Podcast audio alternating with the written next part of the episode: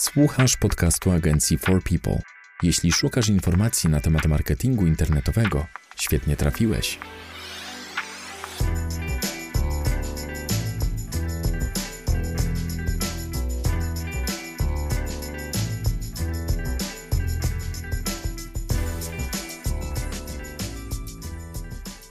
Cześć, witamy w 33. odcinku podcastu Katowickiej Agencji Marketingu Internetowego For People. Z tej strony Łukasz Migura i Paweł Pawlak. Tym razem będziemy rozmawiać o czynnikach wpływających na szybszy wzrost widoczności strony w wynikach wyszukiwania. Zaczniemy może od czegoś, co niektórzy traktują po macoszemu, niektórzy traktują to jako mm, taką wartość ponad wszystkie. Mam tutaj na myśli to, ile dany adres już istnieje w sieci i jak w tej sieci był ten adres traktowany, jak do niego podchodzili kolejni właściciele. Mówię, mówię tutaj oczywiście o wieku domeny i historii domeny. Powiedz mi, jeśli chodzi o wiek domeny, według Ciebie, mm, jak jest istotny i jaki ma wpływ, jeśli chodzi o pozycjonowanie? Mm, wiadomo, że żadnego z tych czynników, o których mówimy, jak również tych czynników, o których nie powiemy, nie można tak rozpatrywać mm, osobno, Natomiast wydaje mi się, że właśnie wiek domeny, a także jej historia to są dość takie istotne czynniki z punktu widzenia właśnie budowania tej widoczności. Mm, jeżeli mamy starszą domenę, mm, jeżeli mamy inaczej, jeżeli są dwie domeny, jest młodsza i starsza, no to tej starszej będzie nieco łatwiej y, zdobyć właśnie tą, tą lepszą widoczność. Oczywiście tutaj wpływają na to różne inne czynniki, dlatego też warto wspomnieć właśnie o tej historii domeny. W zależności, w zależności od tego, y, co na tej domenie właśnie wcześniej mm, istniało, jak ta strona wyglądała w przeszłości, też może mieć wpływ na to, no, czy, czy uda nam się zbudować tą widoczność, czy nie. Y, jeżeli jesteśmy na przykład dopiero przy zakupie domeny, mm, nie mamy jeszcze swojej strony, dopiero właśnie chcemy ją postawić, kupujemy tą domenę, no to istotne jest właśnie sprawdzenie tej historii, mm, jak chociażby w takim narzędziu Wayback Machine, mm, które pozwala zobaczyć, co, co, co na tej domenie, którą, którą jesteśmy zainteresowani wcześniej stało, bo może się okazać, że przez jakiś okres czasu y, no na tej domenie znajdował się jakiś serwis y, atakujący, można powiedzieć, użytkowników mm, jakimś tam złośliwym oprogramowaniem, czy, czy podobny. Mm, jakieś y, sztucznie wygenerowane treści linkujące do, do jakichś tam mm, też stron, na, na, które normalnie byśmy nie chcieli zawitać, no jak również właśnie jakieś podejrzane strony. Jeżeli kupimy sobie taką domenę z taką skażoną historią, no to możemy zapomnieć o tym, że, że uda nam się tutaj mm, zbudować dobre pozycje. Oczywiście mm, też powiedzmy jest jakiś okres tutaj tej karencji i jeżeli, jeżeli to, to co było, to co miało negatywny wpływ na, na tą domenę mm, no było dość dawno, no to można gdzieś tam zaryzykować i taką domenę sobie przejąć.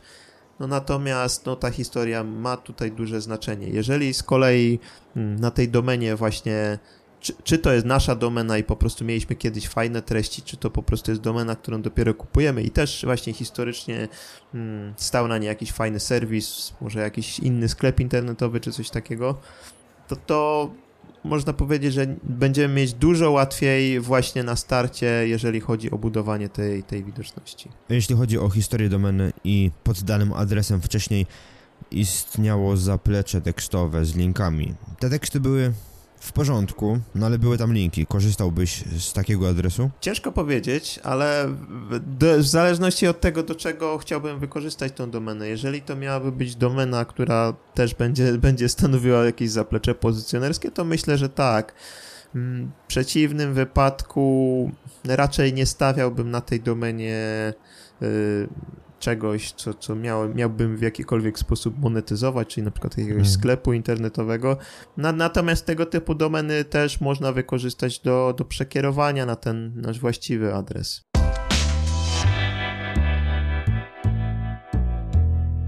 To jest podcast agencji For People, dedykowany przedsiębiorcom i wszystkim miłośnikom marketingu internetowego. Oprócz wieku domeny i jej historii, znaczenie ma konstrukcja strony, to co jest w środku. Jakbyś mógł opowiedzieć tak pokrótce o różnicach i wpływie mm, tego, jak jest skonstruowany CMS i jak jest skonstruowana strona na czystym HTML-u. Jakie są różnice i jak to może wpływać na pozycjonowanie strony?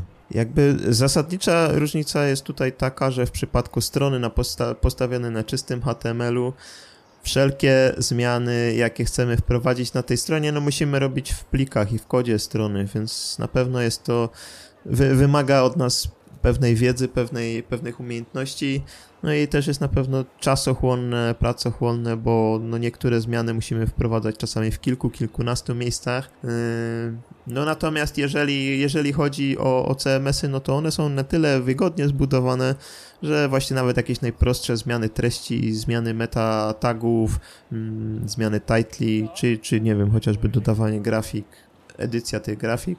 Y, właśnie wszelkiego rodzaju systemy CMS typu WordPress czy wszelkiego innego rodzaju CMS-y sklepowe mm, pomagają tutaj na, na wprowadzenie tych zmian. Y, można powiedzieć, stanowią taki szablon, który, który tutaj pozwala na, na prowadzenie niektórych zmian dla osób nawet, które gdzieś tam Y, aż tak takiej dużej wiedzy na temat HTML-a nie mają.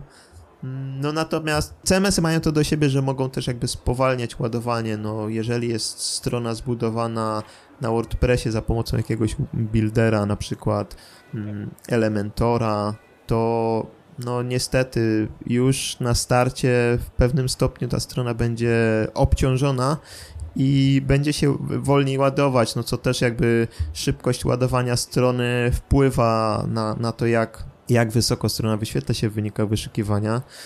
No dlatego należy się liczyć z tym, że o ile stron, strony postawione na czystym HTML-u mają wiele wad, no bo tak jak wspomniałem, wszelkiego rodzaju zmiany musimy robić w plikach i angażować programistę, o tyle przeważnie strony postawione na czystym HTML-u po prostu ładują się lepiej, we wszystkich tych wynikach speed testowych wyglądają znacznie lepiej. Oczywiście to też jest uzależnione od konstrukcji tej strony, bo w samym kodzie może być tak w cudzysłowie śmietnik, który niestety utrudni tutaj mm, zdobywanie tych wysokich pozycji, budowania tej widoczności, ale gdzieś tam z reguły tego typu strony są lżejsze i no troszkę, troszkę jakby maj, mają tą przewagę. Jednak z, mimo wszystko z, z punktu widzenia tej wygody, ja bym jednak stawiał na te strony postawione na CMS-ie. Jasne, ja też tak, żeby trochę rozjaśnić e, ten obraz CMS-u osobom, które nie siedzą tak w temacie, wyobraźcie sobie, że chcecie kupić zwykłe krzesło, które będzie wam służyło jako miejsce do siedzenia przy stole w jadalni i idziecie do sklepu meblowego, a tam w ramach tego krzesła dostajecie podłokietniki, półtora metrowe oparcie, wzmocnienia dla osób, które ważą 300 kg, do tego jeszcze kółka zamontowane pod tym krzesłem, żeby można to traktować jako krzesło do komputera, jakieś dodatkowe poduszki. I tak naprawdę tym jest CMS. CMS jest um, pełnym wachlarzem możliwości mm, dla osoby, a wy musicie sobie wyjąć z tego to, co potrzebujecie i wyrzucić resztę. Chyba, chyba, chyba wa warto dodać też, że w przypadku CMS-a no chociażby WordPressa, jeżeli chcemy, wymyślimy sobie jakieś rozwiązanie, to prawdopodobnie jest do tego wtyczka, która po, po zainstalowaniu jej oczywiście też, też ilość wtyczek zainstalowanych wpływa na szybkość ładowania się strony, mm, no natomiast jest to, jest to zawsze jakieś ułatwienie w przypadku, gdy takie rozwiązanie wymyślimy w, przy, dla strony na czystym HTML-u, no to może być to dużo bardziej problematyczne. No tak, e, jakby robienie strony na czystym HTML na pewno będzie bardziej kosztowne z perspektywy programisty. WordPress jest tańszy, jest łatwiejszy w edycji i jeśli chodzi o obecną sytuację i aktualizację stron pod wytyczne wyszukiwarki znacznie trudniejsze do optymalizacji. Także tutaj trzeba się zastanowić na czym wam zależy i ile macie środków na jakby tworzenie tej strony, bo nie ukrywam, że WordPress na pewno będzie tańszy w konstrukcji, a może być potem droższy w obsłudze, może was po prostu bardziej boleć optymalizacja tej strony.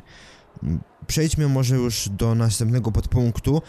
Na co jeszcze zwracać uwagę, albo co ma jeszcze znaczenie tak naprawdę, mm, jeśli chodzi o pozycjonowanie strony, co się przyczyni pozytywnie już na samym starcie do wzrostu widoczności. Tutaj, tutaj warto chyba wspomnieć właśnie o profilu linków e, prowadzących do strony, zarówno tym aktualnym, jak i tym historycznym. Jeżeli porównujemy sobie dwie strony mm, z tej samej branży, no i chcemy odpowiedzieć sobie na pytanie, czemu moja strona, czemu, czemu strona mojego konkurenta wyświetla się wyżej, mm, a moja niżej. Przecież te strony są z tej samej branży, mają podobną ofertę, wyglądają bardzo podobnie, wiek jest zbliżony. Mm, no i co, co tutaj może być problemem? No i tu właśnie odpowiedzią jest to, że może to być właśnie aktualny bądź też historyczny profil linków. Tych linków możemy mieć za mało, y, z niewłaściwych źródeł.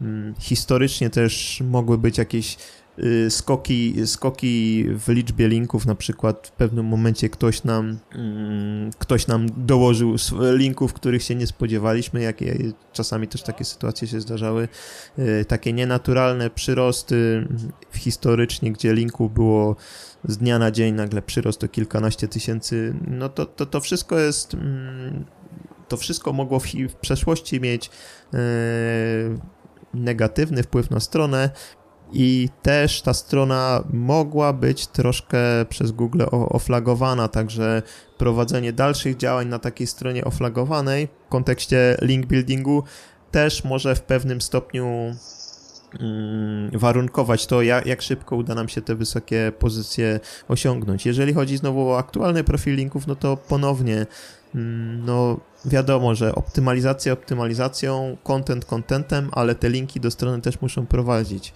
Więc jeżeli nasza strona ma po prostu mniej tych linków, albo są to linki gorszej jakości z gorszych źródeł, no to automatycznie jesteśmy na troszkę straconej pozycji w stosunku do naszej konkurencji.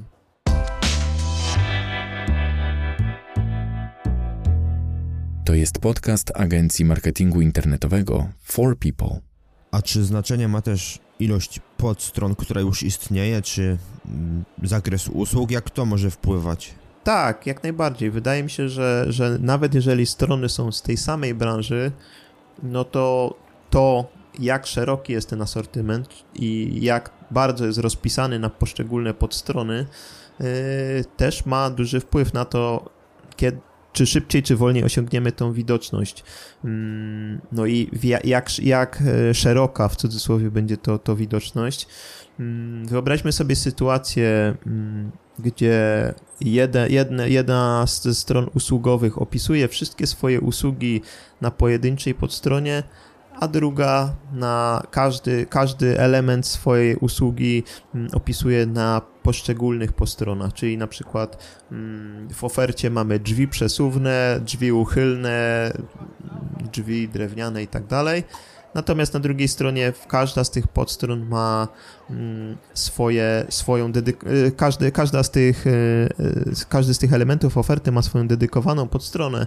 No i tutaj mamy właśnie drzwi przesuwne, drzwi uchylne i tak dalej. Mm, w moim odczuciu właśnie ta druga, bardziej rozbudowana strona będzie miała większe szanse na, na lepszą widoczność, no bo ten wachlarz podstron jest większy. Możliwości optymalizacyjne też są większe. Jeżeli mamy pojedynczą stronę z ofertą, gdzie mamy wrzucone, nie wiem, 20 elementów yy, naszej oferty, no to znacznie trudniej będzie zoptymalizować tą, tą podstronę pod dużo, dużo fraz kluczowych. No zasada jest taka, żeby daną podstronę optymalizować pod dwie, trzy, maksymalnie cztery, cztery frazy kluczowe. Hmm więc no w takiej sytuacji musielibyśmy de facto wybrać tylko kilka elementów oferty i na nich się skupić. W przypadku, gdy tych podstron mamy więcej, no tych szans mamy również więcej, no bo możemy tutaj e, stopniowo budować e, widoczność pod konkretnymi frazami kluczowymi dla tych właśnie podstron, więc e, jeżeli właśnie ta mamy tutaj różnicę w szerokości oferty, no to możemy śmiało założyć, że im szersza oferta, tym większe szanse na, na zbudowanie tej lepszej widoczności. O szerokości oferty rozmawialiśmy także w 24 odcinku naszego podcastu. Mówiliśmy tam o OnePage'u i czy jest w ogóle możliwe prowadzenie działań SEO dla tego typu stron internetowych. Także już teraz zachęcamy Was do posłuchania 24 odcinka, jeśli zastanawiacie się, czy tworząc stronę lepiej skorzystać mm, z, z wielu podstron, czy z jednej. Ja myślę, że to tyle, jeśli chodzi o 33 odcinek naszego podcastu. Z tej strony Łukasz Migura i Paweł Pawlak. Zapraszamy Was do przesłuchania pozostałych odcinków, które już są na naszych kanałach. Zapraszamy do naszych social mediów. Mm, jeśli macie jakieś pytania związane z pozycjonowaniem albo z innym obszarem marketingu internetowego, piszcie do nas na maila podcast małpa forpeople.pl podcast pisane przez C. Dzięki za uwagę i do usłyszenia już wkrótce. Trzymajcie się. Cześć. To był podcast agencji marketingu internetowego For People. Dziękujemy za uwagę. Wolisz czytać niż słuchać? Zapraszamy na stronę naszego bloga marketingdlaludzi.pl. A jeśli potrzebujesz pomocy z promocją firmy w internecie, odwiedź naszą stronę forpeople.pl. Zapraszamy do wysłuchania następnych odcinków. Do usłyszenia.